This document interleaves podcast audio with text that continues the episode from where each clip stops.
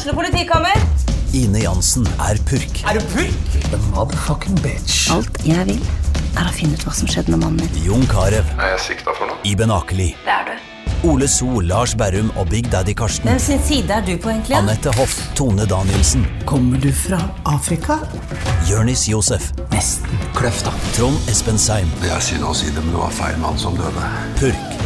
Premiere tirsdag på TV2 Play.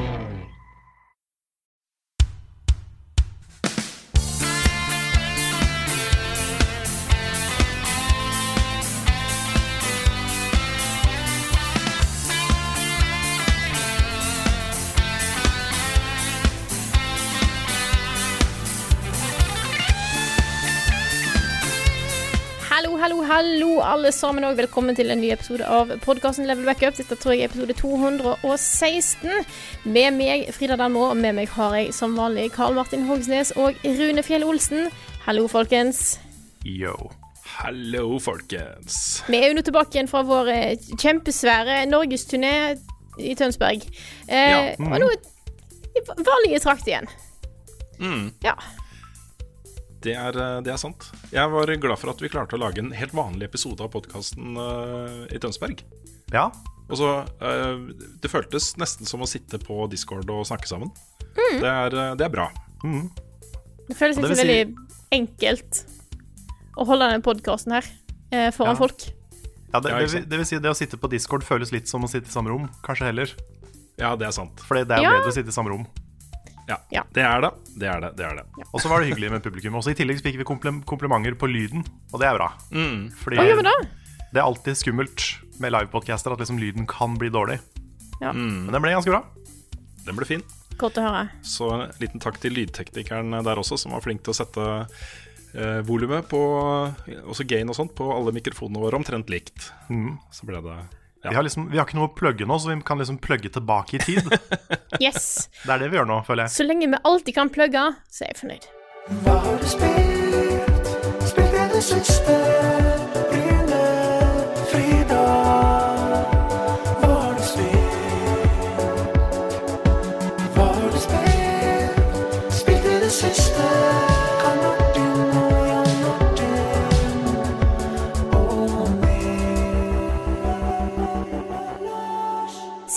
Har vi spilt litt. Jeg har lyst til å begynne denne uka.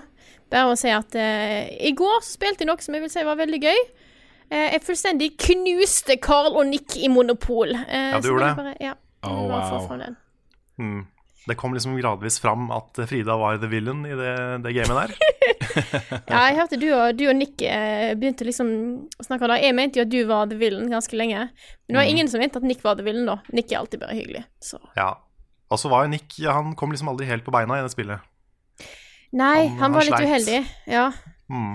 Men det var ganske jevnt en periode, spesielt mellom meg og deg, eh, Carl. Eh, så Jeg vil egentlig Jeg, jeg tror folk Jeg tror man, Altså, Monopol er jo litt sånn der eh, kompetativt spill, da. Men det er ganske gøy å spille på PlayStation, eh, må jeg si. Det er et sånn der, eh, Ja, det er det. Ja. Og så er det, ikke, så er det ikke like kompetitivt og like liksom fælt som å spille Mario Party med Rune og Bjørn. Det er, liksom, det er på en måte det verste, men Monopol er ganske langt ned fra ja. det. Så jeg klarer å holde meg altså, når vi spiller Monopol. Skjønner, det var noe, det var noe shady deals som foregikk mellom deg og Nick underveis, Carl, må jeg helt Det ærlig var det. innrømme. Vi måtte, vi måtte danne en allianse på slutten for å prøve å liksom slå ut Frida. Så Nick fikk, jeg, jeg fikk liksom alle gatene til Nick for en hundrelapp. Ja. Og jeg sitter der og bare åh, nei. Hadde liksom, Nick hadde ikke sjans uansett, så han bare ga alt til meg for at jeg skulle prøve å ta Frida, men det gikk ikke. Wow. Ah, Så det, um, Jeg skjønner ikke glipp av noe her, altså. ja, du får være med neste gang. Mm. Nei, siden jeg nå har begynt, så kan jeg ta og fortsette. Siden sist så har jeg prøvd meg litt i Tetris 99. Fordi Ja. jeg innså etter å ha sett anmeldte anmeldelsen Karl at dette her må jeg jo egentlig bare få prøvd ut. Så jeg spilte et par timer tidligere i uka, eh, og hadde noen eh, De første rundene så sånn Jeg, jeg syns jo sjøl at jeg er decentlig god i Tetris. Det var ikke så lett å se ut ifra de rankingene jeg fikk i starten. ass. Det var langt, langt nede på et eller annet under 70. plass og sånt. Så jeg gikk på, eh, gikk på Reddit, fant en tråd som forklarte hvordan strategien funker, og så, så kom det seg. Eh, så jeg har liksom begynt å teste litt med å liksom bytte hvem jeg angriper mot, liksom strategiene der. Jeg fikk en, jeg fikk en dritgod andreplass eh, og en solid tredjeplass. Det De to andre angrep meg samtidig. De ville jo virkelig bare ha meg ut. Det var noe dritt. Men eh, jeg har begynt å få litt tak i på det spillet, altså, så jeg, eh, jeg, jeg skal fortsatt jobbe meg framover mot min første win. Uh, det spillet kommer jeg nok til å bruke litt eh, mer tid på. Det, er- Tetris er jo rett og slett bare så utrolig gøy. Ehm, veldig glad i Tetris. Det er liksom Nice. perfekt liksom kondensering av og destillering av bare gameplay. Enkelt gameplay som er på en måte såpass dypt at du har mye strategi og sånt. Jeg får ikke helt sånn sånn T-spins og sånt. Det er jo en egen strategi. Nei, hva er T-spins? Det er da jeg ikke helt Det er sånn du må det er, jeg husker ikke hva For det, det er mange ulike For jeg gikk i statistikken min på Tetris 99, og der står det hvor mange typer sånn, det sånn spins du har gjort. Jeg innser at jeg ikke vet hva som er forskjellen på dem, men det er jo når du på en måte får inn ei brikke, og så klarer du å liksom bare snu den, og så lurer du den inn på en eller annen sånn der eh, lurplass, men det er ikke bare liksom flytte den sidelengs på. Jeg har bare ikke blitt så god på det ennå. Hmm. Og så må jeg finne ut faktisk hvordan du gjør det. Så ja. Hmm.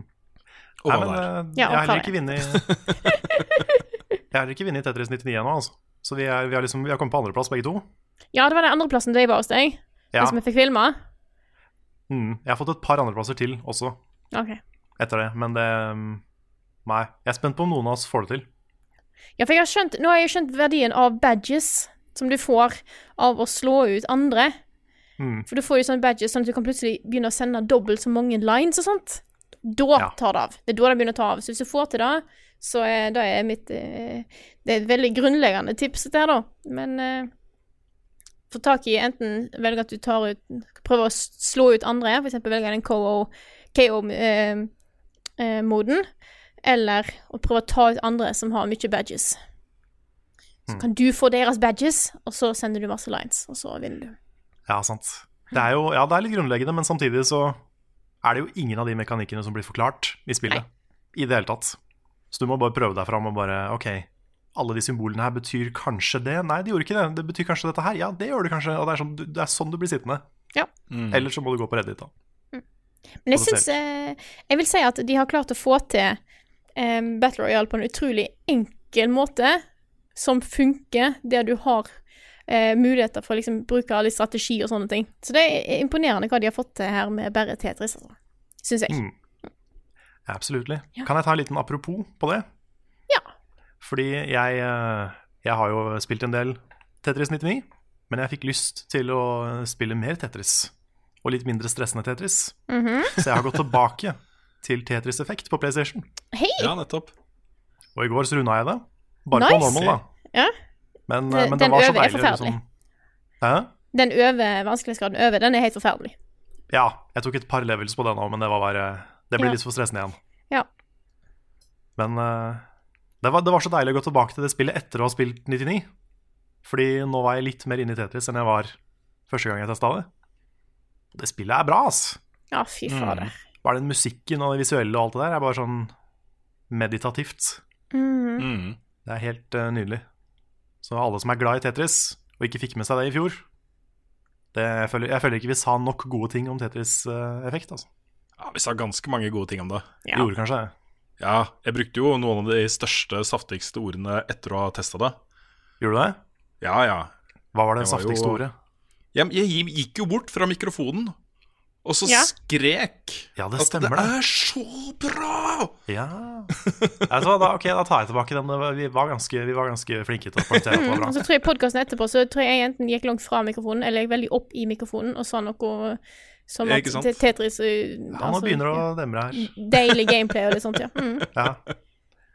Jeg tror det det var bare Det var jeg som ikke helt fikk det til. Det var sånn det var. Du Men tenkte på annet akkurat da.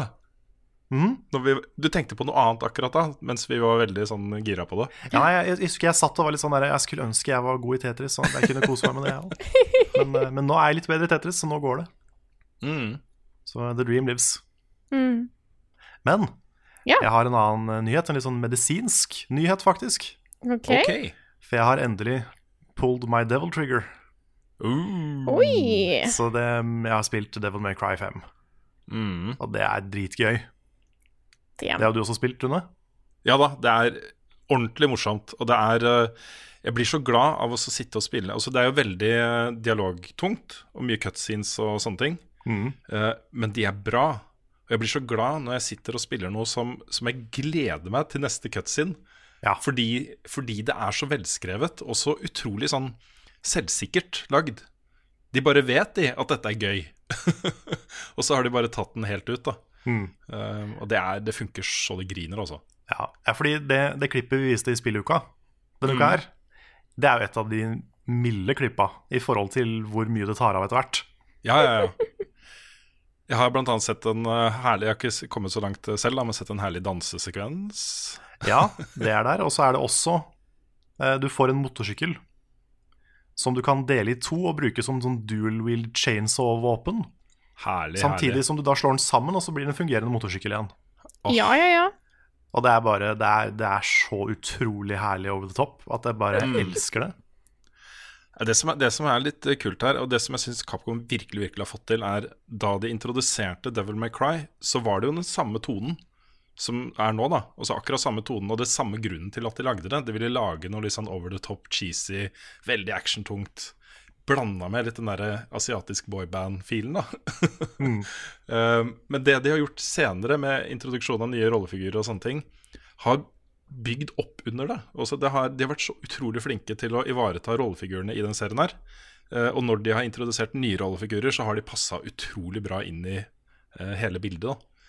Så alle de rollefigurene som du møter i dette spillet her, som kjemper på samme side, da, de er eh, dritkule på hver sin måte. Mm. Du har liksom den eh, vise, gamle, litt eldre Dante, ikke sant? Og så har du den unge, litt sånn bråkjekke Nero. Og så har du den mystiske, veldig emo Vi, ikke sant? Ja, han er så herlig emo også. Mm. Sånn, eh, jeg kom til en del uh, for noen dager siden hvor uh, en av sidekickene hans bare spør ja, tenker du på mora di igjen. Sånn, ja, det er vanskelig å ikke gjøre det. og bare alt han sier og alt han gjør, er liksom så utrolig mystisk. Mm. Jeg Ja, digger det. absolutt alt. Ja. Og det, det, er det, det er det som er så kult, for de har tatt liksom en del grunnegenskaper uh, hos alle rollefigurene, og så har de bare rendyrka det og kjørt så hardt på det. Uh, aldri deviata fra det, da. Det Mm. er, uh, det er så nydelig, altså. Det er Ja, det er skikkelig det. deilig. Det er, det er kjempegøy. Og så syns jeg også det er veldig gøy at noen i Capcom har sett på Devil May Cry som serie og tenkt at ok, dette er en kul franchise. Her er det mye potensial, men vi må ha Jago fra Aladdin. Og For det er jo denne fuglen til Ja, Halen ja. Lee, det er jo Jago fra Aladdin. Mm. Høres nesten ut som Gilbert Goldfrey, til og med. Ja, ikke sant? Så jeg bare venter på at han skal liksom Jaffa! Men han sier ikke, han sier aldri det, da. Men det er sånn Det er, det er veldig, veldig close. Ja. Og så er det altså, Combaten er jo Det var jo kjernen i spillet da det kom. Mm. Det er det jo fortsatt. Eh, jeg jeg syns fortsatt at liksom, historien og rollefiguren og sånt er det morsomste i dette spillet her. Eh, men det er et veldig kult kampsystem også, med masse veldig spek spektakulære ting du kan gjøre. da Mm. Eh, Og i tillegg så syns jeg det er utrolig deilig å spille et spill hvor du får nye abilities hele tiden.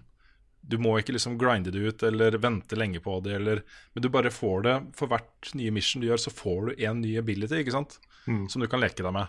Ja, det er vel Det er vel ikke to missions i spillet der hvor gameplay er helt likt, Nei, ikke sant? tror jeg. For du får liksom en ny gameplay-stil for hvert eneste mission. Mm.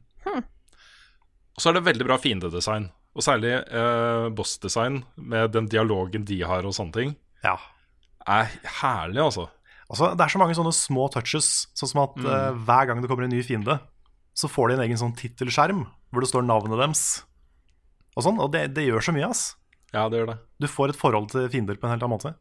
Mm. Nei, det er et eh, kongespill. Kongespill. Og så er Det det, litt kult å se at det er rom for det, syns jeg. Sånn fordi Sånn 360 PS3-generasjon så skulle alt være veldig sånn mørkt og alvorlig. Og det var kanskje liksom et sunnhetstegn da, for å gjøre spill litt mer eh, adult, liksom. Men det at dette her kommer tilbake nå, er også et sunnhetstegn, på en måte. Mm. For det er sånn, nå er det ikke sånn, nå kan vi, nå kan vi tulle litt igjen. Nå trenger ikke å være så alvorlig, trenger ikke å være så utrolig ja, mørkt og dystert. Kan Nei. liksom bare ha det gøy, gjøre ting som er helt dust, og det er greit å være helt dust. Jeg har så sansen for det der, altså. Jeg Ja. tror det der hadde spillet straight up my alley. Ja, ja. Skal jeg være helt altså, ærlig? du er jo du som er så glad i Bajonetta og sånn. Ja, fy fader. Det Jeg ser ser det altså spillet, jeg har så er det bare klør i fingrene etter å spille det. Mm. Jeg har eh, bare litt for mye å eh, ta tak i nå, men eh, med en gang jeg er ferdig med videoen, videoen jeg skal lage, så eh, Så kommer Sekiro ut, ja. Stemmer. Det var da, ja. Ja. ja. ja, Det så eh, Ja da. En dag. One day. One day all the games. Nei, men det er på, det er på nivå med Bajonetta, sånn at hun dropkicker et jagerfly og sånn. Ah. Det, er litt, det er litt sånn. Herlig. Det er helt nydelig. Ja, der kommer det en anmeldelse etter hvert. Uh, så fort som mulig, egentlig. Men uh, jeg har, har jo delt oppmerksomhet nå. For det har jo kommet et annet spill som eh, er ganske stort, og som må tas, nemlig Division 2. Mm. Som jeg har begynt på. Um, jeg holder litt tilbake, fordi det er først eh, i dag, da, på fredag, at alle de jeg kjenner, kommer etter. Så jeg har lyst til å spille sammen med noen, og har liksom slitt med å, å få til det. da Men jeg har spilt eh, en del. Og dette, i førsteinntrykket mitt, da Fordi dette her kommer nok til å ta liksom sånn type 40-50 timers spilling før uh, det er verdt å anmelde det, tror jeg. Så det kommer til å ta litt tid med den anmeldelsen. Men førsteinntrykket mitt er at dette er liksom MMO-skytespill the game. De har eh, Jeg husker jeg brukte litt tid på å snakke om det da eh, Destiny kom, eller i hvert fall en stund etterpå. At egentlig det, noe av det kuleste som kan komme ut av Destiny, er alle ideene uh, andre kan få. Også det det kan inspirere da, til nyvinninger i den sjangeren. Og Division 2 føles som det første spillet som har bare satt seg ned, studert hvordan alle disse spillene fungerer, og så funnet en eller annen måte å løse vanlige problemer i denne sjangeren på. Eh, blant annet da ved å gi deg en jevn strøm av loot der også, som i Devil May Cry. Eh, men du får hele tiden nye ting. Også de har ikke spart på lootet. Det er ikke vanskelig å få tak i nye ting eh, mens du leveler opp. Det kommer liksom hele tiden nye ting som er lett å bruke, og som gir deg fordeler, eh, og som gjør spillopplevelsen bedre. Uh, også introduksjonen av et sånt stort perk-tre, som de allerede fra første stund sier at slapp av, du trenger ikke å være bekymra her, du kan fylle ut alle disse perk-tingene etter hvert. Det du velger nå, er bare hva du vil velge først, hvilken path du vil ta. Som gjør at man bare lener seg litt tilbake, og så begynner man bare å fokusere på de tingene man tror er morsomt. ikke sant? Og så er det ikke noe stress. Altså Det er ikke noe stress med å vite hva man skal gjøre, eller hvordan man skal gjøre ting. Det er bare eh, bra, da. Det funker. Så det har de løst eh, kjempebra, og jeg gleder meg veldig til å spille dette her sammen med folk. Eh, det, er, eh, det er ting her som jeg tror eh, er kjempebra. Eh, ikke minst så har de jobba masse med endgamet også, så eh, ja. Foreløpig veldig, veldig positiv til eh, Division 2. Var det i Division 1 at alle spillerne ble stuck i kø på en sånn automat? Ja. Ja. Ja, Mm. Ja, det har de klart å fikse. Ja da, det er ikke noe sant lenger. Nei, nei, det er bra. Du, det blir på en måte tatt litt uh, uh, Når du skal få en ny Quest, da, så blir det tatt litt ut av spillet inn i en egen skjerm hvor du får litt informasjon, og så setter du et waypoint, og så kan du velge å matchmake fra den skjermen. da um, Det var helt riktig, du sto i en lang kø, for den NPC-en kunne bare håndtere én spiller om gangen, og det var liksom kanskje 15-20 da, øh, i den instansen ikke sant, som var der, og alle skulle akkurat det samme. LOL. ja, det er Åh. herlig, altså. Ja. Det er typisk, ikke sant. Da lærte de det, og så gjør de ikke det igjen. Nei, sant. Nei, MMO det er en, det er sjanger man må tenke på mye, altså. Ja, det er virkelig en uh, tunga rett i munnen-greie. Mm. Så um, Jeg har registrert at folk eh, generelt er ganske positive også. Det eneste jeg kan eh, si som, eh, som jeg er liksom litt skeptisk til, og som jeg håper eh, blir bedre etter hvert, er at det føles litt glatt. Altså, Ah. det er så polert. Um, og med polert så mener jeg ikke at det Altså kvaliteten på det, at det er bra, men at det er liksom Det er ikke noe særlig edge her, da. Det, noe et eller annet som Jeg har ikke noe pull til uh, verken stedet eller storyen ennå, liksom. Um, det er bare tingene de sier, disse MPC-ene sier, er veldig sånn standardting, da. Ja. Um, Ja, storyen og sånn er litt generisk. det føles sånn, altså. Hmm. Det føles sånn. Når du sa at eh, det ikke hadde noe edge, så bare så jeg for meg at du ville ha Infinite fra uh, Sonic Force inn i eh, spillet for å få mer edge. Ja, Ja, få, inn Shadow the Hedgehog. Ja, Shadow the Hedgehog. Ja, ja. Unlockable Mm. character. ja. Nei, men de har jobba masse masse med hvordan, uh, hvordan denne verden skal leve videre. da Og Det er også et problem som de hadde i Division 1. Med ok, nå har du kjørt deg gjennom storyen og hamla opp med alle disse fraksjonene, slemme fraksjonene som eh, kontrollerer hver, sin, hver sitt område i byen og sånne ting. Eh, men her har de, jeg har sett litt på hva slags plan de har for endgame der. De har en konkret og god plan da for hvordan spillet skal endre seg når du blir max level og har tatt siste, uh, siste mission uh, story mission i spillet. Litt, eh, de gjør det litt sånn som de gjorde det med Forsaken, Destiny 2 Forsaken, hvor uh, hele endgame-området endra seg idet det første laget klarte å runde raidet, ikke sant. Så um, ja. Jeg tror det blir kjempebra. Jeg vil også bare nevne kjapt bare en bitte liten ting om nye expansion til Destiny 2. Hvor nå et våpen som heter Thorn er tilbake. Og det er jo det mest hata og elsk, et av de mest elska våpnene i Destinys historie. For den har sånn damage over time-ting, da. Uh, I starten så fikk du jo masse Og så hele skjermen din ble grønn, og du mista helse sånn etter hvert, da. Du fikk inn et skudd, ikke sant, så fortsatte du å miste helse og miste helse og miste helse. Eh, måten du starter questen for å få tak i dette spillet på igjen, er at du må gå til et sted. og det stedet ligger ved inngangen til saltminene på jorda. Altså salt mines, ikke sant? Salty I, I see what they did. Ja, det er veldig morsomt. Det er veldig morsomt og veldig Wow. sånn ja, Godt eksempel på eh, bra bruk av intern humor eh, i et spill. Og dette er saltgruve på norsk. Ukens anbefaling. Hva skal jeg finne på? Ukens anbefaling. Hva skal jeg finne på? Ukens anbefaling.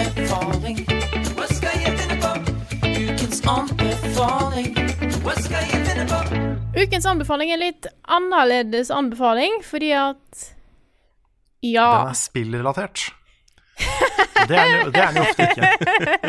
Nei, det er helt sant. ja Mm. Nei, vi har Jeg vet ikke hvem av dere som har lyst til å begynne. jeg. Rune, kanskje? Fordi Eh, ja, jeg kan, jeg, ja det, egentlig så kunne jo Carla begynt, da. eh, Ja. For det er hans anbefaling. Min Eh, anbefaling. men da, men uh, han kom meg litt i forkjøpet, fordi dette var jo et punkt som sto først på lista i uh, nyhetsspalten. Ja. Uh, og det er jo at plutselig, sånn ut av det blå, ble jo PlayStation Now lansert i Norge. Og det har vi venta på. Det har jo vært tilgjengelig i massevis av land lenge, men ikke i Norge. Men nå er det det. Det er da en streamingtjeneste som funker både på PlayStation 4 og PC. som koster 145 kroner i måneden, eller 975 i året. Eh, Det er 600 spill der, til, fra da PlayStation 2, PlayStation 3 og PlayStation 4. Og så kan du også da laste ned spill fra PlayStation 2 og PlayStation 4 på PlayStation 4. Ikke på PC, men på PlayStation PlayStation 4. 2 og PlayStation 3 på PlayStation 4, sant? Nei. PlayStation 2, PlayStation 4 Å ja. Ja. Ok, det, har er en helt annen, det er en helt annen eh, arkitektur på disse PlayStation 3-spillene. Så det er Stemmer. PS2 og PS4-spill vil du kunne laste ned så lenge du abonnerer på den tjenesten. da Ja. Sånn var det. Så du kan bare, bare streame PS3. Nettopp. Sånn var det. Ja, da er det Ja. litt mindre forvirra. Ikke sant. Um, men dette er jo da Sonys uh, versjon av uh, Xbox GamePass. Mm. Den er ute nå. Vær så god, Carl. Ja, nei, Xbox GamePass er jo en tjeneste vi har skrytt av i podkasten før. Mhm. Eh, Jeg kan jo si litt først om hva jeg syns om PlayStation Now, for jeg har spilt, eh, driver og lekt litt og testa. Jeg begynte da med det åpenbare første spillet, Alex Kid in Miracle World. Som var det første jeg testa, selvfølgelig. Um, jeg, jeg ser noen har klaga på køer og på input lag og sånn. Jeg opplevde egentlig ingen av delene. Jeg syns det fungerte ganske bra. Det, er, det føles litt som å spille Spille på en TV som ikke har game mode, på en måte. Så det er som du merker at det er litt, det er litt delay, men det er ikke voldsom delay. Ja. Det er, det er fullt mulig å spille det meste. Jeg testa til og med liksom et 2D-plattformspill som krever en del sånn quick movement, så det funka, det òg. Så um, jeg ble, det ble jeg imponert over, at det var, at det var så lite uh, input-lag på stream. Jeg prøvde bare å streame. For lasta ned så går jeg ut fra at da, da er det som å spille et vanlig, vanlig spill. I teorien skal det være det, ja. Skal det. Ja, For anbefalingen Men, er vel ikke PlayStation Now i seg sjøl? Nei, det er det ikke. Fordi jeg tenkte, det det er jo noen åpenbare spill for de som, de som har PlayStation Now. Jeg vet ikke helt om jeg vil anbefale det eller ikke, det kommer veldig an på. Det kommer an på om du har eh, For det første hvor mange PlayStation 4-eksklusive spill du har spilt fra før. Hvor mange andre spill du har spilt fra før. Hvis det er masse spill som du bare har venta med å spille, og venta med å kjøpe, så er det her en bra deal. For da er det 145 kroner i måneden for ganske mye kult. Det er ikke 600 bra spill. Det er kanskje 50 bra spill, og så 550 litt sånn ræl, Såpass. skal sies. Det var eh, Ja. Jeg, fø- jeg føler ikke det er slemt å si, for det er veldig mye, det er veldig mye ræl. mm. Men det er, det er altså fortsatt 50 veldig bra spill. Da. Og da mener jeg veldig bra spill, liksom. Sånn du, ting du burde spille før du dør. Spill. Så det er fortsatt, så det er fortsatt bra. Mm. Men, eh, men jeg har da funnet fram til eh, ti litt sånne ikke obvious picks. Fordi du har jo de åpenbare, sånn som Bloodborne, Last of Us, Red Dead, ikke sant? Mm. Som alle spiller når de, når de først har eh, PS Now. Men jeg har funnet ti som er sånn De er fortsatt ganske store spill. Nå sa du Red Dead. Er Red Dead Redemption 2 på Nei, én. Ja, nettopp. Ja, Red Dead 1 bare sånn at det ikke på- det blir noen eh, Ja. Red Dead 1 eller Red Dead Redemption 1? For det er jo to ulike spill, har vi Det jo er fått to høre fra forskjellige. Ja. Red Dead Redemption 1. Ja. Mm. Og den zombie-delscenen også. Der. Riktig. Men én ting da som Xbox GamePass fortsatt har over PlayStation Now, det er det at de nye spillene kommer ut. Mm. Og det gjør de jo ikke ennå på PlayStation Now, for du har ikke God of War. Du har ikke um, Spiderman. Uh, den type ting. Så det er, det er fortsatt en del exclusives som ikke ligger der. Mm. Bare for å ha informert om det. Mm. Så det er ikke, det er ikke helt på høyde med, med Xbox GamePass ennå, sånn sett. På, på PlayStation Exclusives. Men en liste over ti store-ish spill, som kanskje ikke er ti av ti spill, men som er liksom nå som de er gratis, så er det et perfekt, uh, perfekt anledning til å sjekke de ut. Gratis hermetegn. ting ja, gratis som i hvis du har PlayStation Now, da. Ja. Som, som ikke er gratis. Ja. Men ok. Spill du burde, burde sjekke ut, siden du likevel ikke trenger å bruke penger på de. Hvis du har betalt for PlayStation Now. Hvis du har betalt for PlayStation Now. Ja. Først Catherine ligger Ja. der. Catherine er dritbra. Det er sannsynligvis et spill du burde ha en bra connection for å spille, fordi hvis du har mye input-lag der, så kommer du til å slite. Det er veldig sånn Twitch-puzzle-spill med en veldig stressende time limit.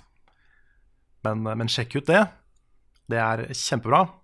Broken Age ligger der. Spillet til eh, Team Shafer, Double Fine. Var det det første de lagde? Nei, nei. Altså etter at de gikk indie, mener jeg. Eh, ja, var det det? De i hvert fall det første Kickstarter- Kickstarter-spillet, tror jeg. Ja, jeg tror ikke det var det første de ga ut. Uh, men jeg tror det var det første de ba om penger for. Ja, det var nok. Det var nok det første Kickstarter-spillet deres. Ja, Det er mulig at det kom Jeg husker ikke. Jeg tror ikke det var det første som kom ut. Men Nei. Og så har vi nummer tre, Defense Grid 2. For de som er glad i, eh, i Tower Defense, så er Defense Grid-spilla veldig bra. Og så har vi Until Dawn, som er en av de store PlayStation 4-eksklusivene som, som er der. Mm. Et spill som jeg tror mange missa da det kom. Jeg mener det kom samtidig som en del annet kult, men det er dritbra. David Cage uten David Cage. Det er liksom et super-cheesy horrorspill som eh, Altså, jeg, jeg er pyse på horrorspill, men jeg turte å spille det fordi det var så cheesy og morsomt. Og eh, veldig, veldig bra.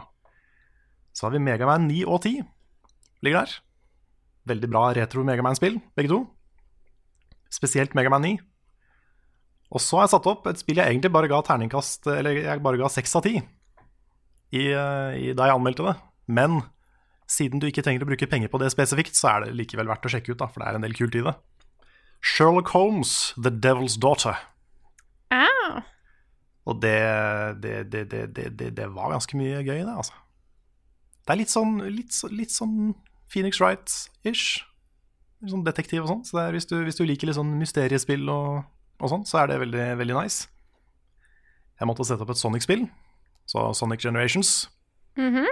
Det jeg tror i dag det beste 3D Sonic-spillet å gå til for første gang nå. Ja. ja. Mange av de har ikke holdt seg så bra. Men Generations er fortsatt bra. Så det er, det er verdt å ta en titt på. The Wolf of Mangus fra Telltale ligger der. Mhm. Et av de beste Telltale-spillene, mener jeg. By far. Og så det er snart ferdig. Yakuza 4 og 5 ligger der. Kan være en fordel å starte på Zero og Kiwami, så vidt jeg har skjønt, men 4 og 5 ligger i hvert fall ute. Og det siste jeg har satt opp, må jeg innrømme at jeg ikke har spilt, men jeg har sett at det har fått veldig bra eh, anmeldelser. Og det er Gravity Rush remastered. Mm.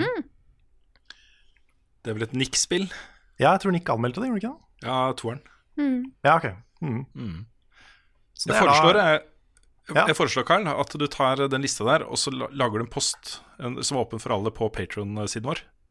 Det, det kan jeg gjøre. Med alle de spillene. Så kan det bare folk gå inn der og så sjekke. Patron.com slash levelupnorge. Hmm.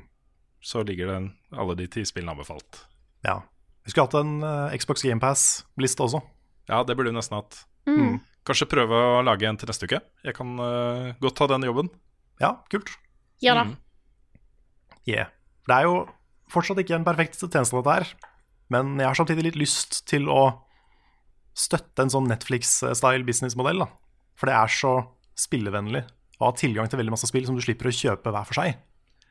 For da det åpner liksom for å kunne eksperimentere på andre måter enn enn før. Mm. Og Xbox eh, GamePass er jo, har, er jo såpass bra, har jeg fått inntrykk av.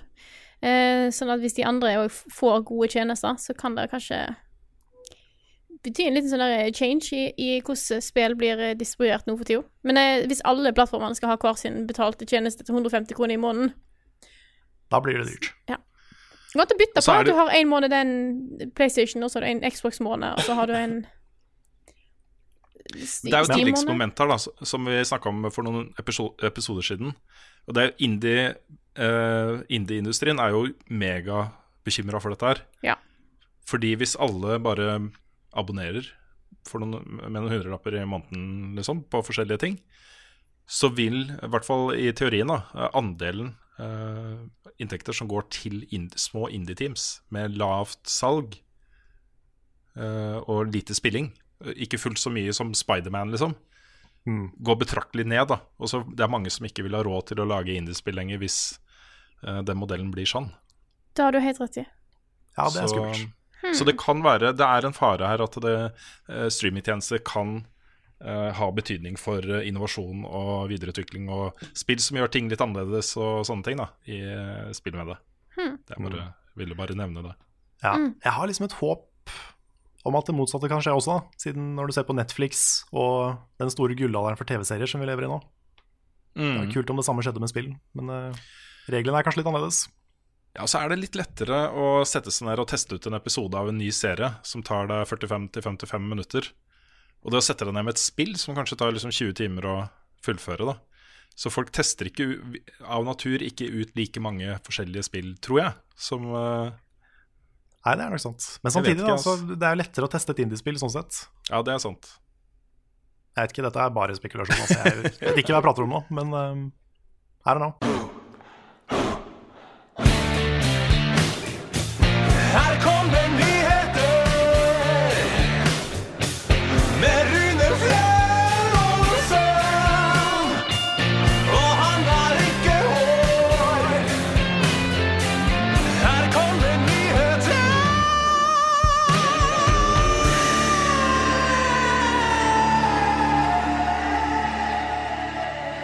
Da skal vi ha nyheter, og vi har jo allerede eh, vel, brukt den ene nyheten tidligere. Men det har vel skjedd mer den siste uka, har det ikke det, Rune?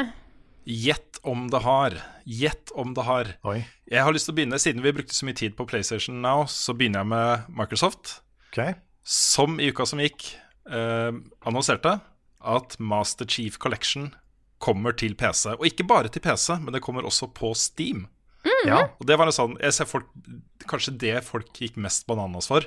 Ja. Uh, jeg tror mange av de som gikk bananas da, for denne nyheten her, har spilt Halo-spillene på Xbox 1 og 360. Uh, senere gått over til PC og gleder seg, fordi alt blir gitt ut på nytt, også inkludert multiplayer. og inkludert da eh, HD remastered-versjonene som er gjort av disse spillene. Og sånne ting. Eh, og det er ganske mange spill. Det er eh, seks spill det er snakk om. Eh, de starter med Halo Reach, og så skal de gi ut eh, resten med litt intervall. Altså det skal være litt tid mellom her. Um, hvor lang tid har de ikke spesifisert. Men det kan være liksom alt fra en måned til et halvt år til jeg vet ikke. Ikke sant? Uh, men de starter med Halo Reach, som er kronologisk det første spillet i historien. Uh, og så er det da Halo Combat Evolved, uh, Halo 2, 3 og Halo 3 ODST. eh, og så da Halo 4 til slutt. Alle de skal på PC. Eh, det kommer til å bli fett. Eh, jeg ser også vi har fått en del spørsmål om da blir det kanskje også endelig et eh, klassikerinnslag eh, med Halo. Og ja, det gjør det. det gjør det. Men det er litt dumt at de begynner med Halo Reach. Jeg kunne jo kanskje tatt, uh, um, tatt Comet Evolved fra remastered-versjonen på Xbox uh, i forbindelse med dette. Jeg vet ikke. Men uh, tiden er i aller høyeste grad moden for et klassikerinnslag om den serien her også, så Oh yeah. Nice, Yes. nice. Uh, Den 19. mars, det er da ikke lenge til, og under GDC, som eh, starter nå, eh, så har Google sagt de skal avsløre noe spillrelatert. Mm. De har, de har vel sagt at de skal avsløre The Future of Gaming, har de ikke det? The future Jo, jo. of gaming. The Store future ord. of gaming. Store ord. Ja, De har jo testa ut uh, streaming av spill. Det var vel et Assassin's Creed-spill de ga ut, uh, og en del andre greier. Så stalltipset er jo en, uh, en streamingkonsoll, en boks, for streaming av spill. Også type PlayStation Now og Xbox eh, GamePass. Uh, mine penger er på det, i hvert fall. Uh, Tenk om de lager en Chromecast-versjon, for de har en Chromecast for liksom film og sånt. Og så har de de Chromecast Music-greiene som er lyd. Tenk om de har en egen sånn til eh, spill. kan godt tenkes. Mhm. Mm. Men Det er, har de eh, egne spill, er spørsmålet. Så Ja, har, de, er har de kjøpt en, en IP, liksom? Mm. Half-Life. Ja. Google Half-Life. Ja, ja. Det er jo um, Dere husker kanskje Jade Raymond, som uh, jo var en av de som var sentralt i Ubisoft uh, med lanseringen og oppbyggingen av Assassin's Assassin's Creed-serien. Som senere gikk over til å lede EA Motive. Hun har nå blitt vice president i Google. Det har hun selv annonsert på Twitter. I en ikke-spesifisert avdeling. ja. Bare vice president i Google. Ja. Så ja. Ha. Må tro om det er hun som står på scenen den 19. mars. Det kan godt hende. Ja. Spennende å se. Det er tirsdag, da, er det ikke det? Eh, det- det er tirsdag. Det er tirsdag. Mm. Så kanskje vurdere å utsette spilluka neste uke til onsdag, Karl. Ja, kanskje det. Kanskje det er lurt. Mm. Ja, for jeg tror det er en del nyheter som kommer liksom de, de første par dagene på GDC. Og så er det liksom bare en ruter. ja. Sånn. Jo, men også Jeg tenker det kan fort bli noe sånt, altså. Fordi eh, Apple TV for eksempel er jo også en spillkonsoll, Ja da. ikke sant? Med, hvor du bruker bare den touch-kontrolleren til uh, håndkontroller. Hmm. Så Men det som er, altså Hadde de gått ut og sagt 'the future of gaming' hvis det var noe sånn smått også, da? Det er jo sannsynligvis noe de har tro på. Engage var også the future of gaming. Ja, det, det er sant. men, eh, men Google har jo liksom Det må være noe som gir dem litt selvtillit, tenker jeg da. Ja. Det blir blir penger i hvert fall. Ja, ja, ja. Ja, jeg er spent på om de lanserer en ny konsoll med egne spill. Mm. For det kommer til å ha mye å si. Ja. Det er eh, Vi får vente og se. Jeg er uh, avventende, kan man kanskje si. Mm. Og så er det da eh, lanseringen av Apex, Apex Legends. har vi om Der brukte de jo alle markedsføringspengene sine på å få eh, store streamere til å spille spillet, istedenfor å gjøre alle de andre tingene man gjør eh, når man skal annonsere for et spill som kommer. Eh, og det har da blitt kjent eh, at Ninja, som er den største Fortnite-streameren, eh, fikk én million dollar av EA for å spille Apex Legends. det er Mye penger! Det er ganske mye penger, altså. Det er penger. Ja. Det er, eh, jeg, jeg har med nyhetssaken fordi eh, eh, jeg ser det diskuteres om det er greit eller ikke. Eh, akkurat når det gjelder Ninja, så har jeg lagt merke til at han har jo branda alt han gjør med reklame og sponsored tweets og sånne ting. Eh, jeg tror ingen skal være i tvil om at de store streamerne får penger for å spille de spillene de spiller. Ja, og det er jo da, så lenge de på en måte sier at de får betalt. Det er Ja. det som er viktig. Hvis de later som at de ikke får betalt, og så får de betalt, da er det Mm. litt verre. Ja, Ja. det er bad. Mm. Men jeg har, eh, jeg har ikke fulgt veldig mye med på streamere. Men de få jeg har sett på, de har vært flinke til det. Mm. Og sier fra at Mm. dette er en sponsa stream. Ja da, de må jo da, for hvis ikke så får de ikke Altså på en måte, da får de backlash. Så Mm. det er jo et krav, nesten. Eller det er et Ja da, krav. det er et krav. Mm. Og så er det jo også eh, det, det viser jo litt verdien av å ha sånne som oss, da. Som istedenfor å da eh, få noen tusenlapper for å spille ja, Det kanskje har vært Division 2 da denne uka her, så spiller vi Monopol, ikke sant. Fordi vi har lyst. Ja, for vi tar eh, Altså, vi har ikke tatt imot sånne deals. Nei, Nei. det har vi Altså, ikke. det det har er vi ikke. nevnt. Vi tar den viktige kampen og spiller Monopol isteden. Ja. Ikke sant? Det folket vil ha. Mm. Mm. Eh, hopper videre til eh, et eh, nytt spill som er på vei fra Heart Machine. Og det er jo da utviklerne av Hyperlight Drifter, Mhm. eh, som heter da Solar Ash Kingdom. Så Hyperlight Drifter, Solar Ash Kingdom. Eh, de har ikke sagt noe om spillet, det er bare traileren. Og traileren er amazing. Det ser kjempelekkert ut. Uh, også hovedpersonen du skal styre, ser dritkul ut. Um, og det er svære bosser og en fantastisk sånn fantasy-verden med uh, store dyr som uh, flyr i luften og Ja. Det ser dritlekkert ut. Den har ikke jeg sett, så denne her skal jeg eh, sette meg ned og se med en gang etterpå. Ikke sant? Mm -mm.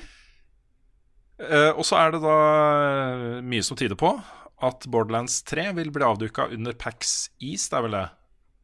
Gearbox har i hvert fall tissa at det skjer noe den 28. mars.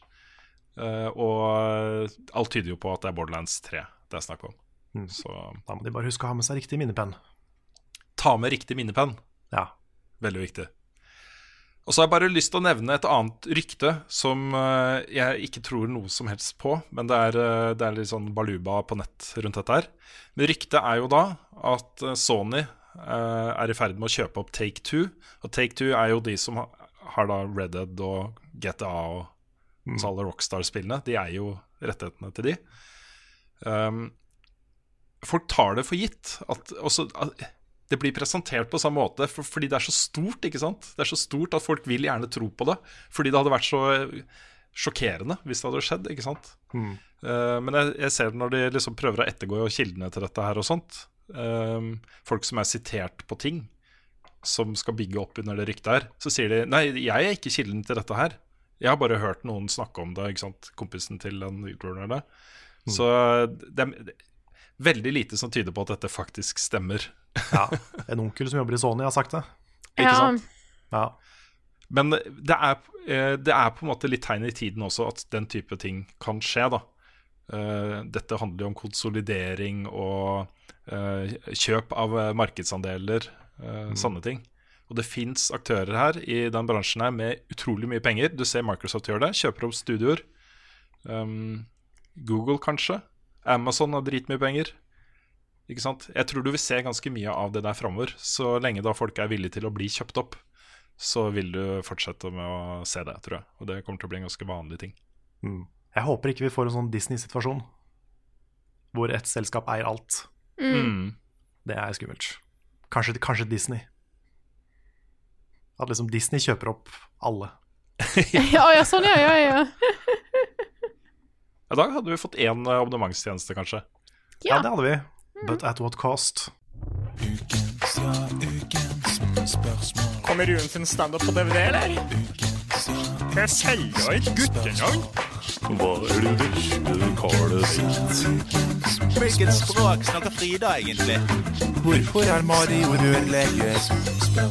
I dag så begynner vi spørsmålsspalten med et veldig Et viktig spørsmål, vil jeg faktisk si. Det Det har gått fra litt for mange episoder uten at vi har eh, tatt tak i det spørsmålet. Ja, det tenker jeg òg. Eh, så jeg tenker at det er nesten vår, eh, vårt ansvar, da, eh, å svare på dette spørsmålet her. Det kommer fra Eirik Ludvigsen, som spør hvorfor er Mario rørlegger? Hvorfor er Mario rørlegger, da? Ja, hvorfor er han det? Han var jo Det ikke det i starten. Nei? Nei? Det er jo en sånn fun fact. Han var jo egentlig snekker. Mhm. Ja. Men så ble han rørlegger. Jeg vet ikke hvorfor han ble det. Det var litt dårlig jobbmarked hos snekkerne, tenker jeg. Ja, Så Han var du ikke på den unionized. Jeg, så hvis du ser på den der den sosioøkonomiske eh, tida, der som eh, Og området der Mario er fra, så var det veldig eh, selvfølgelig viktig da å skifte fra snekker til rørlegger, fordi Ja da. Ja, han tok, jo, han tok jo sikkert da båten fra den virkelige verden til The Mushroom Kingdom. Og der trengte de rørleggere, for det var Ja. så mange rør. Ja. Ikke sant? Det er ja, rør er overalt. Så de må jo ha en fyr som kan ordne opp. Og da hjelper det ikke å være snekker, så han måtte rett og slett eh, omskolere seg. Ja, du kan ikke snekre en dass. Nei. Du må, du må legge rør. Jeg har fasiten, da. Du har det? Okay. Ja, for i den perioden så var Miyamoto utrolig hekta på amerikansk porno. Og da var det jo så mange rørleggere som kom på besøk Ja. hjem da, til uh, disse stakkars kvinnene som mistet alle klærne sine. Her, her føler jeg vi trenger en sånn disclaimer på at dette er ikke sant. Nei, men jeg har, jeg har faktisk fasiten, for Miyamoto har uttalt seg hvorfor han er rørle- rørlegger. Okay. Uh, og du har helt rett, Karl. I starten var han uh, snekker. Men det var jo fordi eh, Donkey Kong foregikk på en sånn eh, arbeids... Altså sånn eh, byggeplass. Hvor det var naturlig at han var en snekker. Men eh, mens neste spill foregikk, foregikk Det var mye rør og sånt. Så da var det Mm. naturlig at han var rørlegger. Så det er Altså, ikke det er verre, Sånn da. sagt, da. Det er bare Det stuck, liksom. Ja. Mm. Så Han har vært andre hadde- ting. Han har vært fotballspiller og kartracer og Absolutt. Og har alle disse draktene sine og så videre. Det er jo Ja. Man of many trades. Mm. Kanskje Mario bare er det man trenger at Mario er. Han er Sånn sånn som det rommet i Harry Potter, basically. Ja. Var det ikke også sagt at han ikke er rørlegger lenger? Var ikke det, Det også en ting? Hvor liksom Mario er ikke, han er ikke praktiserende rørlegger lenger. Nei. Tatt en Reggie. Hæ? Tatt en Reggie. Ja, Pensjonert seg. Pensjonert seg fra rørlegging. Ja, kanskje. Blitt eh, prinsesseredder på fulltid. Ja. ikke sant? Nei, Ja, da har vi jo godt spørsmål. eh, Ja, godt spørsmål. Eh, da hopper vi videre til neste spørsmål her, som telefonen min ikke har lyst til å vise for meg akkurat nå. Det var sjukt irriterende. Jo, her er det fra Nikolai Vevang Olsen som skriver. Spilte nylig Journey for første gang, og det er helt spesielt hvordan et spill som bare varer i ca. to timer, kan være nesten like visuelt nydelig og engasjerende som et spill som God of War, som varer i 30 timer. Derfor lurer jeg hvorfor Nei, hvorfor, ja. Hva andre korte indiespill anbefaler dere? Ja, jeg har laget også en liste. Kanskje vi skal legge den lista inn i, din, eh, inn i den posten, eh, Karl? Ja. Sånn at, eh, fordi det, er- nå kommer det også oppramsing av mange spill. Bare, okay. Hva var det de snakka om igjen? Uh, Ja. Men jeg har no, noen forslag som er basert på hva jeg syns er bra, da. Så kan dere jo supplere, selvfølgelig. Mm -hmm. uh, Brothers. Kort og godt. Limbo og Inside. Mm, -hmm. Kjempebra. Mm. Mhm. Eh, Hellblade er også bare sånn fem-seks timers spill. Ja. Portal Ja. Mm. Og to. Og to. og to. Det er litt lengre, da. Portal 1 er vel liksom sånn én sitting, type 90 Ja. minutter. Ja, det er sant. Mm. Uh, What Remains of Edith Finch. Mm. Knallbra, fire-fem timer. Uh, Stanley Parable. Det kan -hmm. jo vare i mange timer hvis du vil, da, for du kan liksom spille igjen igjen og igjen for å få forskjellige typer slutter og sånne ting. Og så er det, det babyspillet Ja. Mhm. Ja, babyspillet kan du spille lenge. Ikke sant? Eh, Firewatch. Mm. Kjempebra. Jazz punk. det er kult, altså. Oh, yeah. Ja. Everybody's Gone to the Rapture.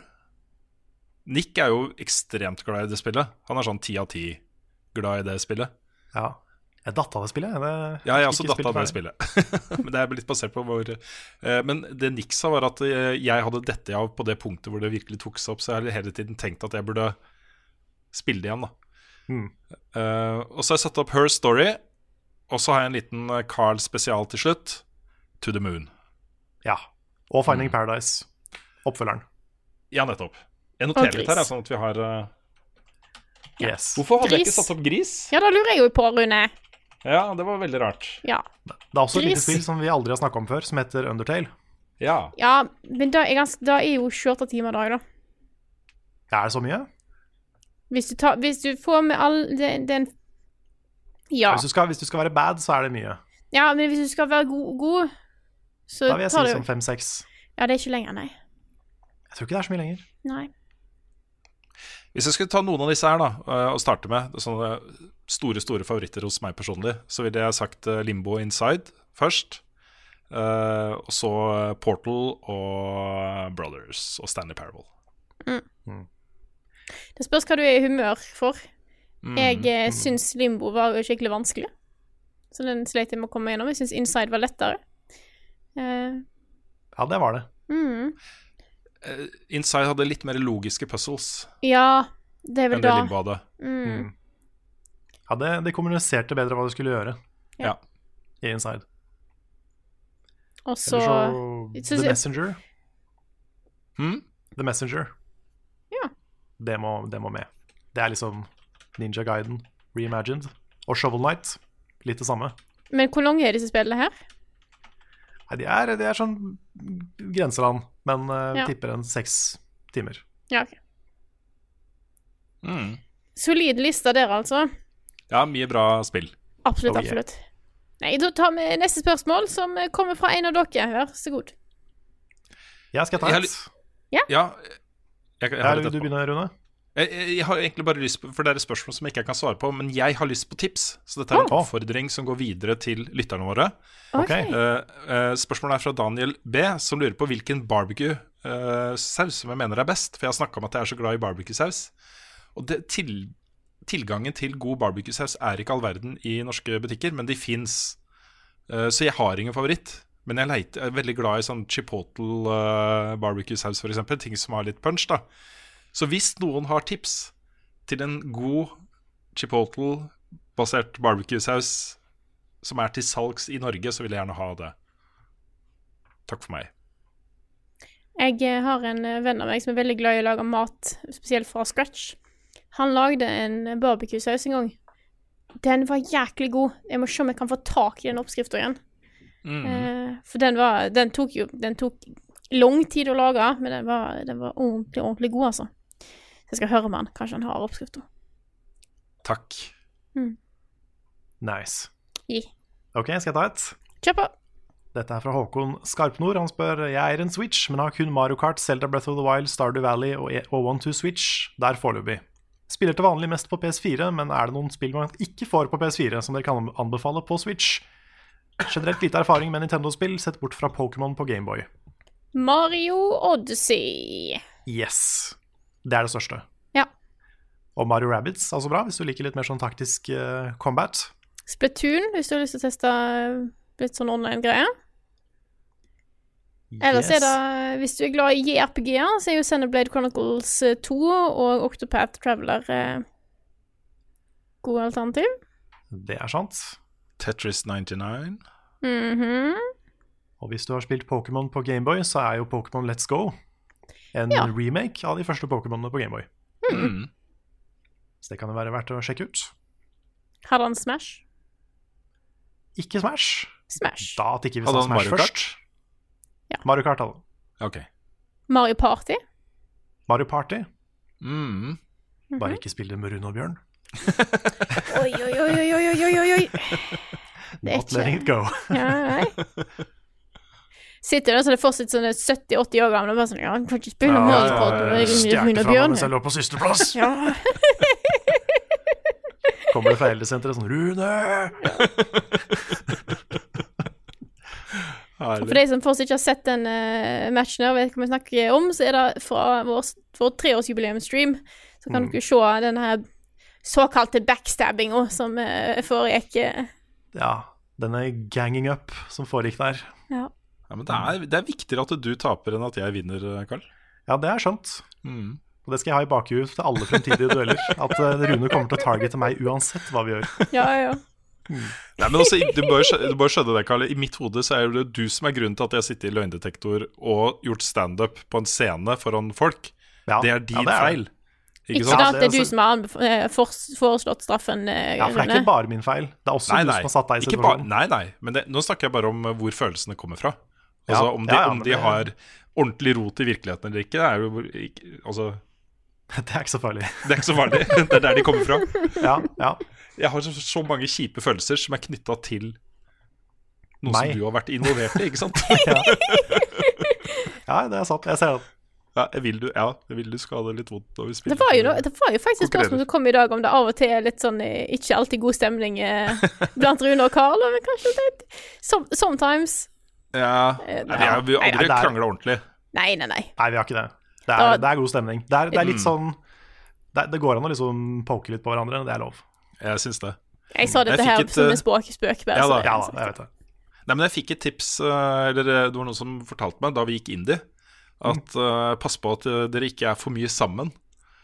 For da Ja, kan det det, gå Ja, det tipset har jeg også hørt. Ja, Jeg har fått en del sånne litt sånn bekymra blikk fra folk når jeg sier hva vi gjør.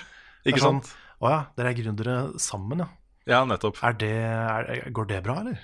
Mm. Det er, det er mange av de som er sånn, de har sikkert jobba med folk før og sliter med det, ikke sant? Mm. Men det, det går veldig bra, altså. Ja, det går kjempefint. Nei, men vi, er jo også, vi, driver, vi henger jo ikke sånn voldsomt mye med hverandre på privaten, liksom. Eh, men så er det også veldig stor og sånn flytende overgang mellom jobb og privat her, da. Så vi henger er det. mye sammen. Ja, Men, vi er jo eh, på en måte litt på jobb hele tida. Ikke sant? For eksempel, jeg hadde sikkert blitt invitert til bryllupet ditt hvis du skulle gifte deg, Carl. Det hadde du. Ikke sant? Du blir invitert til bursdagen min, til og med. Ja da.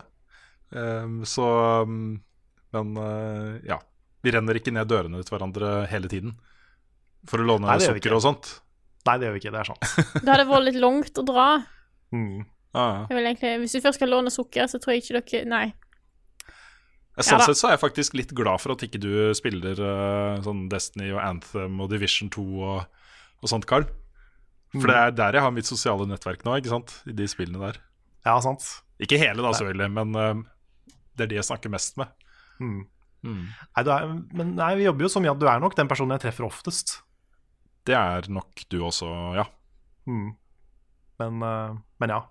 Mm. Nei, det, det går fint. Så jeg, jeg skjønner spørsmålet, for det er mange som har brent seg på det, har jeg skjønt. Det er det. Men, eh, men det, det går fint. Playdead. De Ja, ble jo bitter bitre uvenner, de to som grunnla det selskapet. Mm. Oi. Mm. De, de originale Game Grumps skjærte seg. Ikke sant? Også The Completionist og han han jobba med før. Gikk dårlig. Mm. Fort gjort. Mm. Nei, men jeg tror, jeg tror det også kommer mye Vi har uh, mye sånn profesjonell respekt for hverandre også. At ikke bare, at jeg liker deg ikke bare som person, men jeg respekterer veldig det du gjør, da, og meningen din og innholdet du lager og de tingene, liksom. Like måte. Og din mening og mitt innhold betyr mye for meg. Sånn profesjonelt, da, faglig, ikke sant. Mm. Det er uh, bra at det er sånn. Jeg har et, et eh, dilemma som jeg har fått tilsendt til meg personlig på e-post fordi Facebook ikke funka. Ja, Ja, Facebook eh, døde jo. Stemmer Men det? det er, jeg, jeg tar det med fordi det er et forslag fra vår, en av våre to vignettskapere, Martin Herfjord, som tydeligvis har lyst til å starte en ny fast spalte hos oss, som er da ukens dilemma. Kjør på. Han hadde jo et dilemma forrige uke. Uh, nå husker jeg ikke helt hva det var i farta. Eller uka før da var det to uker siden. Ja. Jeg husker at det var bra. bra. Ja, Han sa han kunne Mm. lage en tre sekunders vignett til den også. Så jeg ville bare, også, Hvis dette er noe vi har lyst på, så er det noe vi kan Det blir jo stort press på han da til å lage gode dilemmaer. Blir det? Men Det er kanskje det er mulig at andre også kan han Ja, jeg vet ikke. Vi, vi introduserer det som en sånn semiting. Kanskje. Kanskje vi gjør det. Ja, ok. Lag gjerne vignett, eh, Martin, så får vi se. Men dilemmaet denne gangen er aldri kunne spille spill eller miste smakssansen permanent. Oi. Å, fuck. Det var to veldig forskjellige ting også. Det var to veldig forskjellige Det var et godt dilemma. Ja. Jeg er veldig glad i mat. Jeg er veldig glad i å lage god mat. Jeg er veldig glad i å spise god mat. Mm. Jeg, Jeg tror sånn- jeg hadde gått for uh, å aldri spille spill igjen. Jeg tror jeg måtte ha ofra det, altså. Men jeg tenker samtidig, da, at hvis du ikke har smakssans, da kan du spise hva du vil, og det smaker det samme. Mm. Og det meste av det som smaker godt, er jo ikke sunt. Nei, det er sant. Så kanskje du kan bruke det til en fordel også, da. Mm. Men tenk da, den følelsen at du liksom du sitter bare sånn åh, jeg har ordentlig lyst på chips. Men det du spiser, gir deg ikke den chips-følelsen. Nei, men, Men har du da lyst på chips? Ja, for du har jo hatt smakssans før, vet du. ja. Ja, Mm. men Mm. kanskje man venner seg til det. Man venner seg til det. Jeg tenker at uh, de derre Å, det her var så godt. Den følelsen, opplevelsen, varer jo kanskje bare noen minutter. Mens øh, et bra spill kan jo være liksom i time etter time, kanskje hundrevis av timer i, noen tilfeller. Jeg hadde aldri i verden klart å, å si fra meg spill for smakssans. Det hadde jeg ikke, ass. Nå har jeg allerede Nei. ikke luktesans, da, så da hadde jeg ikke smakt noe, og ikke lukta noe. Det hadde blitt litt grått, kanskje. Ja. Ja. Det er nesten liksom bare ikke følt noe. Ja. Så det, da er du liksom piraten i Pirates of the Caribbean. Ja, ikke sant? Den er vanskelig, og det, jeg tror eh, Jeg, jeg vet at jeg er mer glad i å lage mat og sånt enn da Carl er, blant annet. Jeg er ikke helt på deg, Rune, men eh, Jeg er ikke så glad i å lage mat, jeg er ikke det. Jeg, men jeg er også veldig glad i god mat. mm, Gode matopplevelser er viktig for meg, det også. ja. Så det er Men, vanskelig, eh, da. Altså, det da. Ja. Men det, du hadde også et poeng da, Carl. Det hadde jo vært eh, dritlett å gå ned noen kilo, f.eks. Og spise litt sunnere. Hvis man det er ikke smakte Fordi ingenting av det jeg har lyst på, er bra for meg. Nei, Altså. det er, det er litt sånn. Så det, Jeg, eh, ja. jeg er veldig opptatt av eh, ting, at tekstur i mat syns jeg er veldig viktig. Så jeg tror jeg kunne kom, klart meg et godt stykke bare der, liksom òg. Mm. Ja, det må minst være 4K-tekstur. Fire, ja. ja. Yes. Akkurat, eh, akkurat da. Ja. Yes. Nei, skal vi ta et til, eller? Ja, Ja, hvis ja. dere har noe på, på lur. Jeg har et uh, spørsmål her fra Jon Magnus Restad, som uh, er midt i mine dagsaktuelle problemstillinger, uh, som ja, opptar meg veldig om dagen. Eh, Ok. Spørsmålet er, Han sier har en gutt på seks år som går i første klasse. Han har begynt å snakke om at noen av de andre guttene i klassen spiller Fortnite, og vil veldig gjerne spille selv. Vi spiller en del Switch eh, sammen, med Breath of the Wild og Odyssey, men Fortnite har jeg ikke satt meg noe særlig inn i. Spillet har jo tolvårsgrense, men synes dere spillet passer for en gutt på seks? Det er så vanskelig spørsmål, det der, altså. Ja. Ja, det der er tricky. Ja, det er utrolig vanskelig. Nå, har jeg, nå er jeg verken foreldre, er forelder eller har kid. Så mine synspunkter kommer litt sånn Du er verken er forelder eller har kid. jeg måtte bare kommentere det, sorry. Ja. Ja, men det Skal kan, vi det kan jo hende at Det kan, kunne jo hende at Frida hadde fått barn som hun hadde bare gitt fra seg, liksom. Ja, sånn, ja. Ja. Du, er for, du, er forelder, du er forelder, men du har ikke barn, sånn sett. Da jeg da jeg mente, var at jeg verken har på en måte eh, oppdratt unger til de er voksne, eller har en kid i den alderen som det blir aktuelt. Nei, sånn, ja. Ok, Ja. da er jeg med. Da er jeg med. Ja. Eh, så ja. Eh, nå, nå ble jeg litt satt ut her av meg sjøl. Skal vi se hvor var det jeg skulle hen med dette her, da. Jo, jeg tror at det er viktig å på en måte Hvis, hvis en spiller sammen med ungene sine, så på en måte kan en kanskje Kan en se litt hvordan ungene oppfatter det. Jeg tenker det er også viktig å sette seg inn i hva spill det er er snakk om. Kanskje se litt gameplay, skjønne på en måte hva er det her som kan være skummelt eller farlig for ungen. Eh, og så tenker jeg at det fins ikke noe sånn der eh, universell grense på liksom Dette gjelder for alle kids. Det, det er nesten en ting som bør tas litt sånn personlig òg i tillegg, men jeg, jeg Sånt er vanskelig! Eh, Rune, du, du, du er Altså, jo ja. har, ma, ma, de tingene som, som jeg sliter med her, da som jeg syns er problematiske, det er ikke volden i spillet, og at det er skytespill. For det tror jeg de takler helt fint. Dette er konkurranse, det handler ikke om å drepe for de, da. Selv om det gjør det også, men så er det, det stikker ikke så dypt, da. Du Hei. Lager ikke mordere av seksåringer altså- som spiller Fortnite. Nei.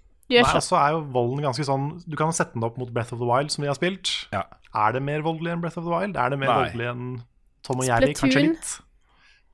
Mm. Men det, Ja. som, det som er problematisk her, er, f- er eh, til ene ganske store ting. Det ene er at du er i online-miljøer med andre mennesker, kanskje voksne mennesker. Kanskje voksne mennesker som prøver å rekruttere folk inn i kjipe bevegelser og sånne ting. Eller eh, andre barn på skolen som bruker eh, chat og sånt til å erte og mobbe andre, ikke sant. Um, det å introdusere barn for online-miljøer som seksåringer jeg syns det er problematisk, altså. Det, det plager meg å, å tenke på at det Men- blir en Men så er spørsmålet hvordan funker For hvis de har en, for eksempel en Switch, da. Hvordan funker egentlig online-greiene, la oss si i Fortnite, på Switch? Fordi at jeg vet at blant annet Splatoon, som er jo online, så har du bare litt sånn to emotes du kan gjøre, og da er da.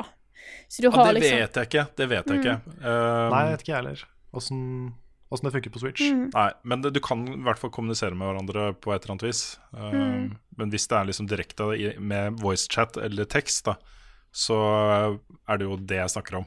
Ja. Uh, det andre er Det jeg har hørt da fra andre i den situasjonen, er at hver gang det kommer en ny season med nye emotes og nye uh, vanity items og uh, klær og skins og sånne ting Hvis ikke du har noe av de nye kule tingene som du da må kjøpe eh, lootboxer for å få tak i, så kan du eh, bli utstøtt, litt sånn utstøtt da, i miljøet, liksom. Se på den kjipe der. Det blir litt som å komme med fillete, gamle, tre år gamle moteklær på skolen, ikke sant. Um, det syns jeg er problematisk. Det presset som det legger på ungene til å liksom ha en virtuell uh, status, da. Mm. Men så har du på den andre siden Hvis alle i klassen din spiller Fortnite, og du ikke får lov til å spille Fortnite, så er du faktisk utstøtt fra et fellesskap som er dritviktig. Ja, Det- ja, da blir du i hvert fall utstøtt. Ikke sant? Det er ikke lett å være foreldre i dag altså, med de tingene der. Fordi jeg, eh, jeg syns det der er dritvanskelig. Og jeg vet ikke, det, Mine barn får ikke lov til å spille Fortnite ennå.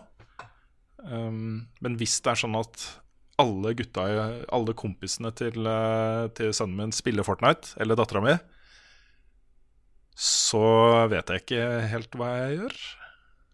I hvert fall hvis jeg merker at det påvirker deres forhold til de andre, da. Jeg er veldig happy for at det de spiller sammen nå, er, for, er Minecraft, liksom. Det er kjempebra. Mm. Så Jeg, jeg hørte fra en venninne av meg som eh, har vært vikar på barneskole i det siste. Hun sa at hun har sett nok Fortnite-danser for livet ut. ja. Mm. ja, det Så er det, sant. da må du òg takle, da. Hvis det Da blir en case. Mm. Men jeg tenker i hvert fall uansett da, hvis man havner i en sånn situasjon hvor, uh, hvor eh, man uh, enten ikke har noe valg, eller man tar den beslutningen om at ok, de skal få lov til å spille Fortnite, da vil jeg anbefale å gjøre det sammen med de også. I hvert fall sitte sammen med de eh, mye mens de spiller, eh, og ha litt, følge litt godt med på, på hva som foregår, og være litt bevisst på hvordan det også kan påvirke barnas eh, forhold til de andre i klassen. Um, Ja, og passe på at uh, voicechat med fremmede ikke er på. ja. Ja. Det tror jeg er Ja. viktig. Nei, det er, eh, men det, det der er innmari vanskelig. Innmari, innmari vanskelig. Så um, Så jeg tenker at uh, Ja, den generelle tingen der må bare snakke med de andre foreldrene i klassen. Kanskje ha noe allmøte på det, hvor man diskuterer hvordan man skal forholde seg til det. Ha litt uh, felles regler for det. Ja. Tror jeg kan, kan være ganske viktig der også. Mm. Jeg skal på et allmøte i dag om uh, iPad-bruk. Så Med de andre foreldrene på skolen. Mm. Ja, Da jeg var liten, så var det Hotell Cæsar. Mm. Da var det er interessant. Jeg synes det, er, det var aldri en case hos oss med, med Hotell Cæsar, så jeg tror eh, Nei, det var, men det var da hun, hun Charlotte, som hun het, hadde sex med broren sin. Det var den perioden. Og da, da, var, da var det foreldrealarm i hele Tønsberg. Ja. Ja. Ja. Skal vi ta neste spørsmål her, eller? Det kan være. Ja, jeg har et et her fra Eskil Lungård som spør Med siste sesong av Game of Thrones på trappene, så undrer jeg litt over hvorfor ikke spillindustrien har kasta seg over dette universet. Hva med et The Witcher-aktig spill, kanskje et RTS, MMO-RPG? Hva tenker Level Up-redaksjonen?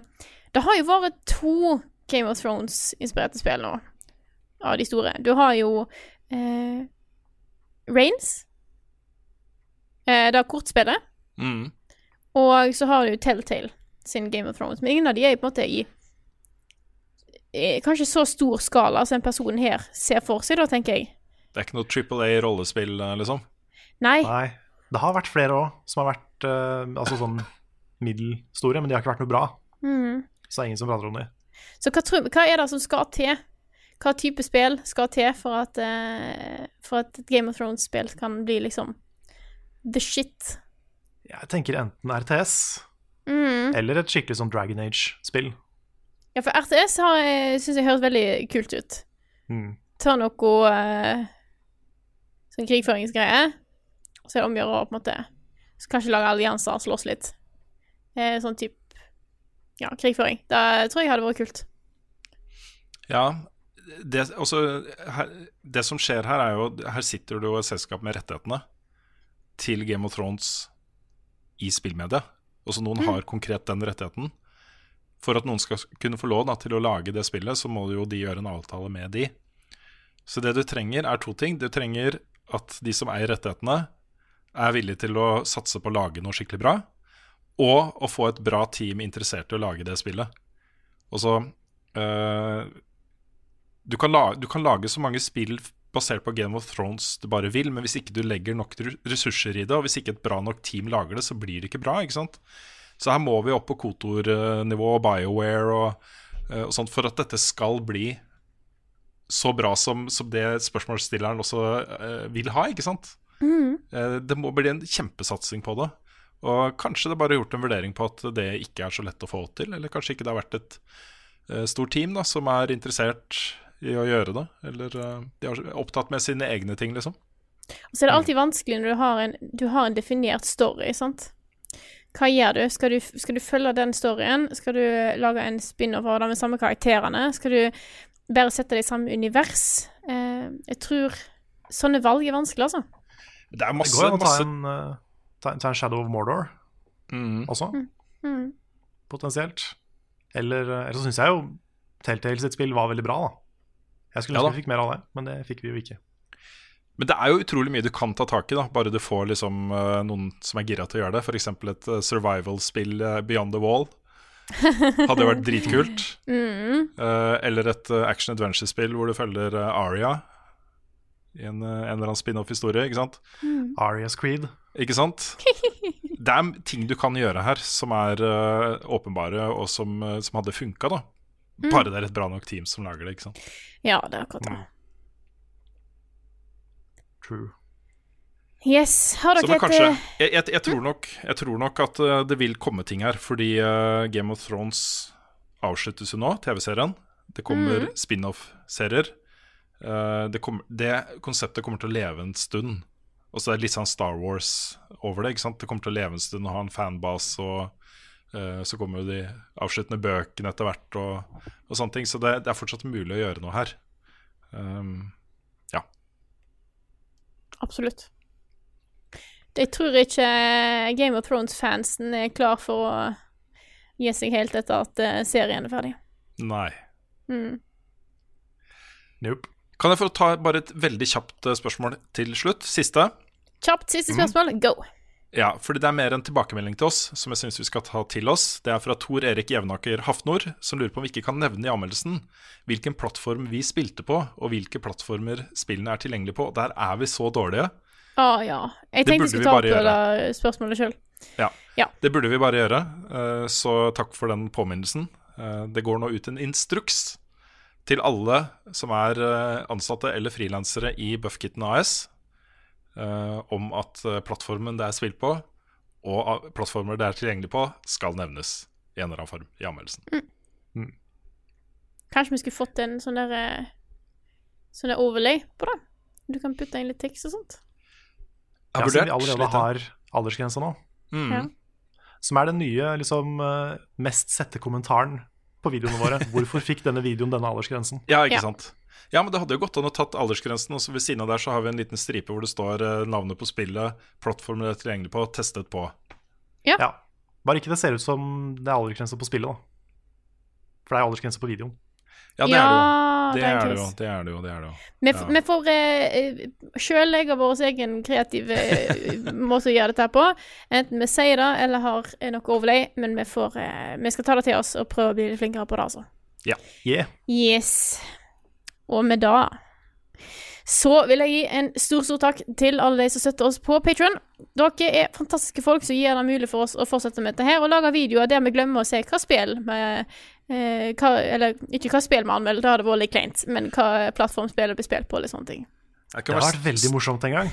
Å bare lage en anmeldelse og så glemme å si hvilket spill det er. ja.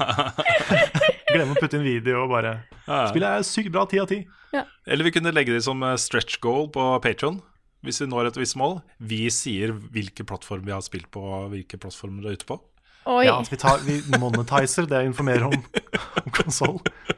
vi glemte forresten å nevne at, eh, at eh, Level Up har blitt kjøpt opp av EA eh, den siste Ja. Du skal nå ha microtransactions på alt. Mm. Ja. Mm. Du kan høre på de første fem minuttene av podkasten Ja. uten, uten å betale, men så må du betale per femte minutt. Ja, og de siste ti minuttene får du kun via lootboxes. ja, de er random. Jeg er ikke sikker Du du, får kan, rett du kan risikere å bare få en sånn Rune-emote. Runedans. Ja. ja, en egen Rune-dans. Og så kan vi saksøke dem etterpå fordi at de har brukt dansen din. Ja. Ja. Mm. Åh, jeg Vi er syns det ikke, vi er er litt ikke morsomt. kjøpt opp av jeg da. Fordi, Nei, for de er som ikke tok det tjukke laget med ironi der, vi er ikke kjøpt opp av, av Det er litt morsomt at Advokaten til Carlton vet du, har gått ut og sagt nå at de skal kjempe til siste stund for rettighetene hans for den dansen som er brukt i Fortnite, ikke sant? Ja. ja. Altså, av alle hills to die on, men ok. Ja, det- nettopp. ja. Og med det så tror jeg at eh, jeg sier takk for oss for denne gangen. Takk for at du hørte på denne her episoden her av Level Backup, og så snakkes vi igjen neste uke.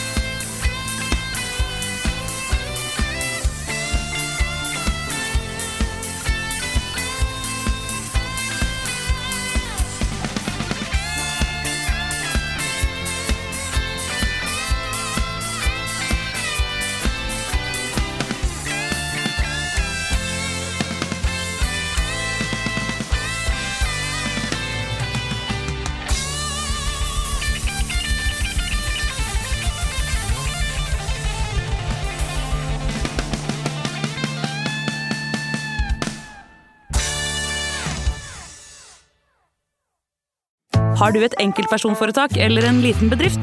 Da er du sikkert lei av å høre meg snakke om hvor enkelt det er med kvitteringer og bilag i fiken, så vi eh, gir oss her, vi. Fordi vi liker enkelt. Fiken superenkelt regnskap.